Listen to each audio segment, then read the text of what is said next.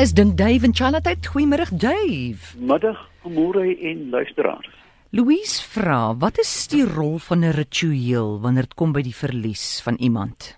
Ja, môre, weet jy, ek dink dit is seker een van die van die kerns van die van die passasie van die lewe. As ons gebore word, uh, dan is daar 'n viering. Oumas kom kyk as ons sterf kom mense. Skus tog Dave, jy moet reg praat. Sit jou mond so teen daai foon asseblief. Is dit beter? Ja, dankie. Goed, jammer. Sal ek van voor af vat? Ja. ja. Kyk, ons hele lewe is deurdrink van rituele. As ons gebore word, is daar 'n feesmaal. As ons trou, as ons uh, uh verloof raak, um, ons lewe is deurdrink van rituele, maar mense vergeet dat met die verlies van 'n geliefde byvoorbeeld, is dit net so belangrik om nie net een nie, maar 'n paar rituele deur te gaan. En ek dink eh, 'n uh, mens kan uiteraard 'n boom plant. Uh daar is rituele om kersse op 'n sekere tyd. Ehm um, die gunsteling musiek van 'n geliefde luister. Ehm um, iets doen vir liefdadigheid, sê ek doen dit vir die ontslapene. Ehm um, maak 'n spesiale maaltyd.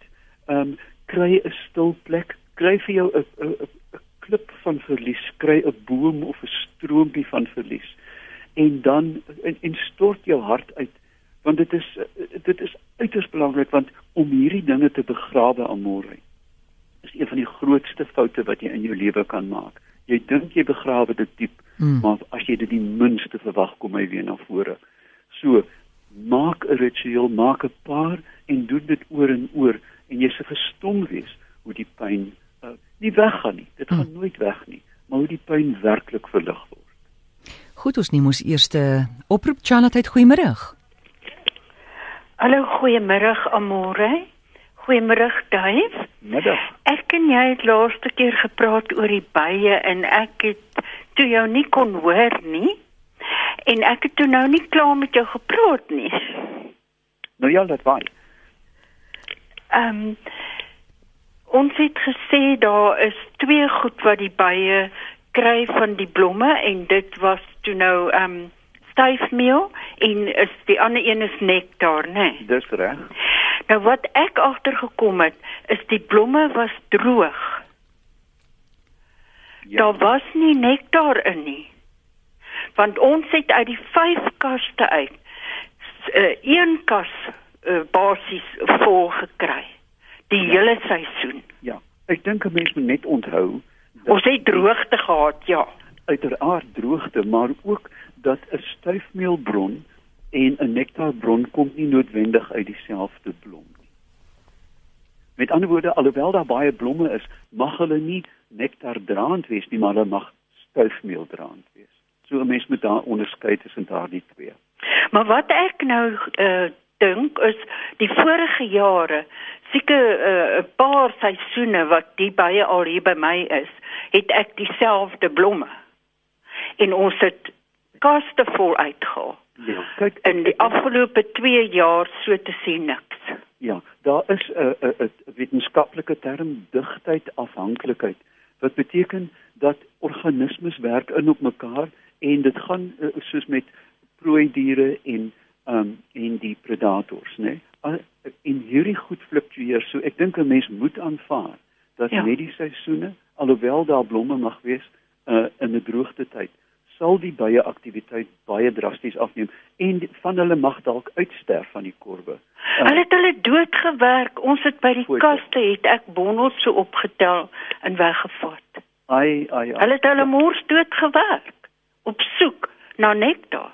Ja. Nou ongelukkig is dit die gang van die natuur en ek dink op die skaal wat ons boer deesdae help dit nie om vir hulle sappies of of, of ne nektar na te boots nie. Ja. Dit eenvoudig nooit voorbly nie. Ek meen ons doen dit in die winter net om hulle deur te dra. Dis reg. Maar maar dan is dit 'n onderhoud, né? Ja, presies. Goed.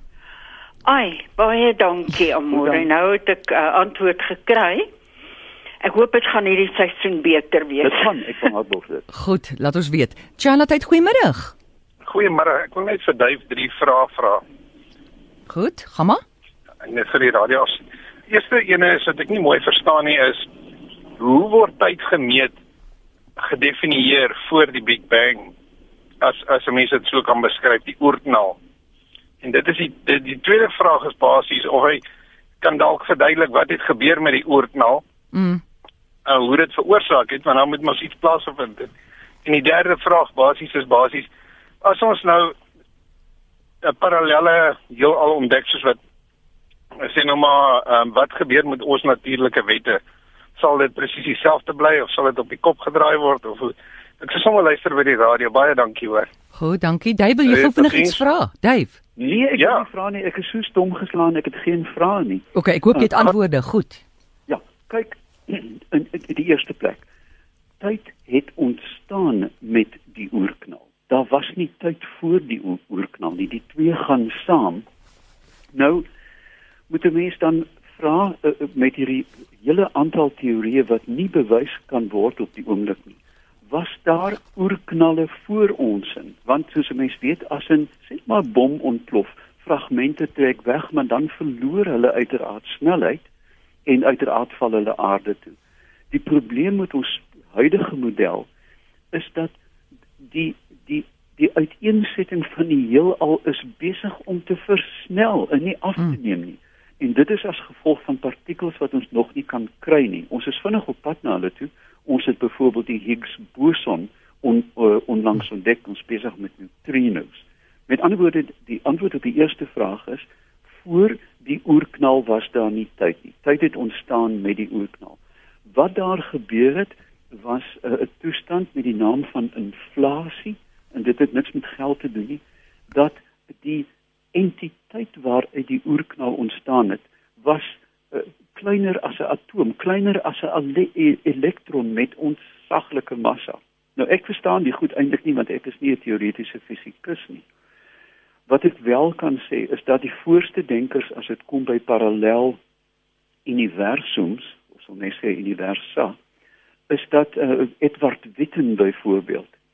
Weet jy almore dat hy is besig met wiskundige nabootsings van uh van parallel universums deur middel van die sogenaamde string theories.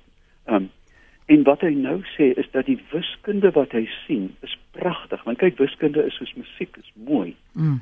Maar dat sy taal ontbreek om die vreemdheid daarvan te beskryf. Ja. Ons het nie ons het werklik 'n nuwe taal nodig. Ons het 'n nuwe leksikon nodig om die vreemdheid van die heelal te beskryf.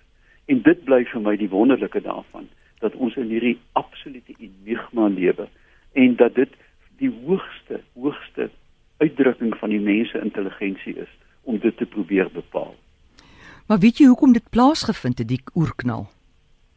Ek dink nie daar was daar was redes nie. Weet hoekom is die dag mooi? Hoekom blomme blom? Mm. Ehm um, dit was dit het 'n kritiese massa bereik. Ons het 'n idee van van van die dinamika met swart gate waar die sogenaamde event horizon bestaan. Daai kantelpunt voordat lig ingesuig word. En die oomblik as dit gebeur, as jy oor hierdie drempel gaan, verval alle fisiese wette bykans. Jy weet en ons kan nie eintlik modelleer wat daar binne-in aangaan nie. So uh dit dit is 'n Bybelse raaisel in 'n spieël. Ja, en soos jy sê, ons het nog nie woorde daarvoor nie. Ons het nie genoeg woorde om die vreemdheid van die heelal te beskryf. Ja. Al wat ek weet, die SKA, daai radioteleskoop daar in Ja. Kanafon, Ja. uh, hulle kan daar egos optel van die oerknal. O ja, kyk, jy kan dit karteer as jy op Google kyk na na background radiation byvoorbeeld, kan jy letterlik die kurwes in in in in in in ruimtetyd sien van hoe die golwe wegbeweeg het van die oerknal. So ons kan dit heeltemal modelleer. Ons kan dit terugvoer met 'n akkuraatheid van 'n paar honderd duisend jaar oor 13,2 miljard. Ons die akkuraatheid, het- ons weet presies wanneer dit gebeur het, maar ons weet niks van wat het. Goed, ons neem nog 'n oproep. Charlotte, goeiemiddag. Hey, hallo uh, Amorey. Hi. Is Dave nog daar? Alipad. Praat maar. Hallo. Ja, praat maar. Dit is Ludwig Ventris uit Bel van Kimberley af. Mhm. Uh ek wil net hoor so ongeveer 3 weke terug is ek deur die Karoo uh daar tussen Beaufort Wes en uh De Rust en langs die pad, direk langs die pad uh, hierdie kant van die draad groei daar sulke pragtige geel blommetjies en wit blommetjies en so aan, maar dieper in die veld is daar niks nie. Uh kan hy vir my verduidelik hoekom uh, dit net langs die pad voorkom en nie daar in die veld daar binnekant nie? O ja. Ek ek dink ek snaaks genoeg Ludwig, ek het ongeluk ek het onlangs dieselfde pad gery, uh, maar nie die blomme gesien nie. Daardie pad is spesifiek as jy kyk na 'n draad wat loodreg van die pad af loop na 'n heuwel toe, dan sien jy die verskil in weidingsstrategieë. Met ander woorde, die voorkoms van blomme en die die gevoel en struktuur en tekstuur van die veld. Dave, Dave, met... Becky telefoon. Becky telefoon asseblief. Ek hou dit. Goed. Goed. Ehm um, het dit te maak met die weiding wat daarop toegepas word, wat die spesifieke boer doen en hoe hy sy veld bestuur. So dit is eintlik net 'n 'n 'n 'n oerknal van veldbestuur. Maak dit vir jou sin Ludwig? Ja, nee, okay, baie dankie vir die antwoord. Thanks. Goed, totsiens. Sins hoor. Charlotte, goeiemôre. Middag. Hi, praat maar. Ek wil net 'n vraag vir jou vra. Mm. Uh, of of nie 'n vraag van nee presies die die pad is in bou vir des en daar is is dit nie moontlik reën dat op die teerpad val en afloop water is nie dit is 'n baie goeie dit, dit is 'n baie slim ding wat jy nou daar sê dat die rande van paaie word verryk deur die opvanggebied van die pad maar o oh, skus tog ja praat maar Dave ja dit word verryk deur die uh, of, of word besproei byna deur die die die oppervlakte van die pad. So jy sal altyd sien selfs in droog droë gebiede dat plante langs die pad hoër groei. Jy sien ook uiteraard lucering en ander saad wat afgevaai het van vragmotors af. En ek het al van tevore gesê, ons moet werklik begin dink om hierdie padrandte te gebruik in droogte uh, om droogte te verlig. Daar is wel weiding en gras wat daar benut kan word as gevolg van die hmm. opvanggebied. Dave, en laastens, hoekom dink jy raak die mense in die kus uh, gouer grys as ons ek, Nee nee nee, ek glo dit glad nie. Ek wil baie graag daai navorsing sien. Kyk, uh, ja?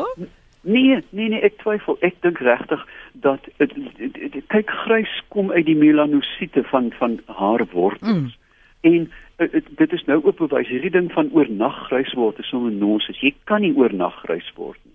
Nou gaan dan netlik 'n tsunami losbars. Ja, ek glo jy kan erge stres wat van daai man wat die Taj Mahal gebou het nê vir sy vrou jy weet daai Indeer ja. Ken jy die storie?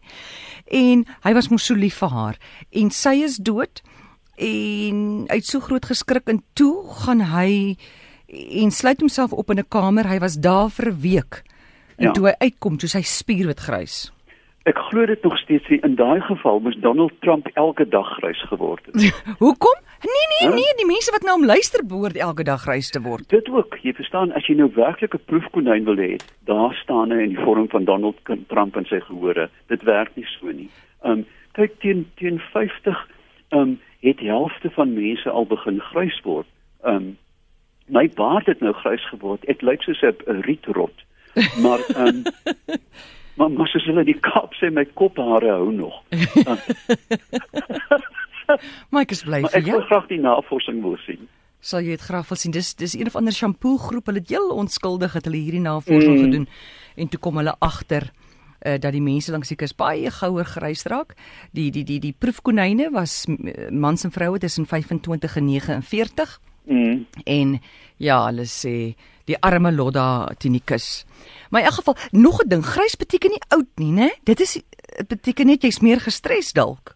Nie noodwendig nie, Amore. Kom ons praat nou net van van grys by vrouens. Kyk, 'n grys man is in elk geval 'n patetiese ding.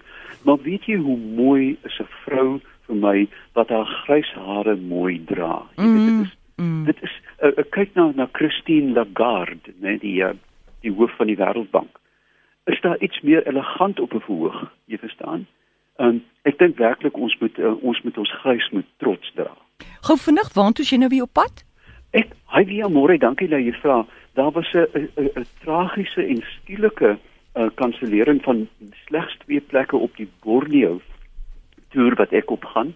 Um, en dit is in um, van 18 tot 27 September en nou is daar 'n spesiale aanbod um uh, beskikbaar vir die twee plekke. So mense moet gerus na my webwerf kyk. Mm of na Live the Journey uh, daar daar skielik twee plekke beskikbaar geword. Goed, gaan Borneo toe. Borneo toe.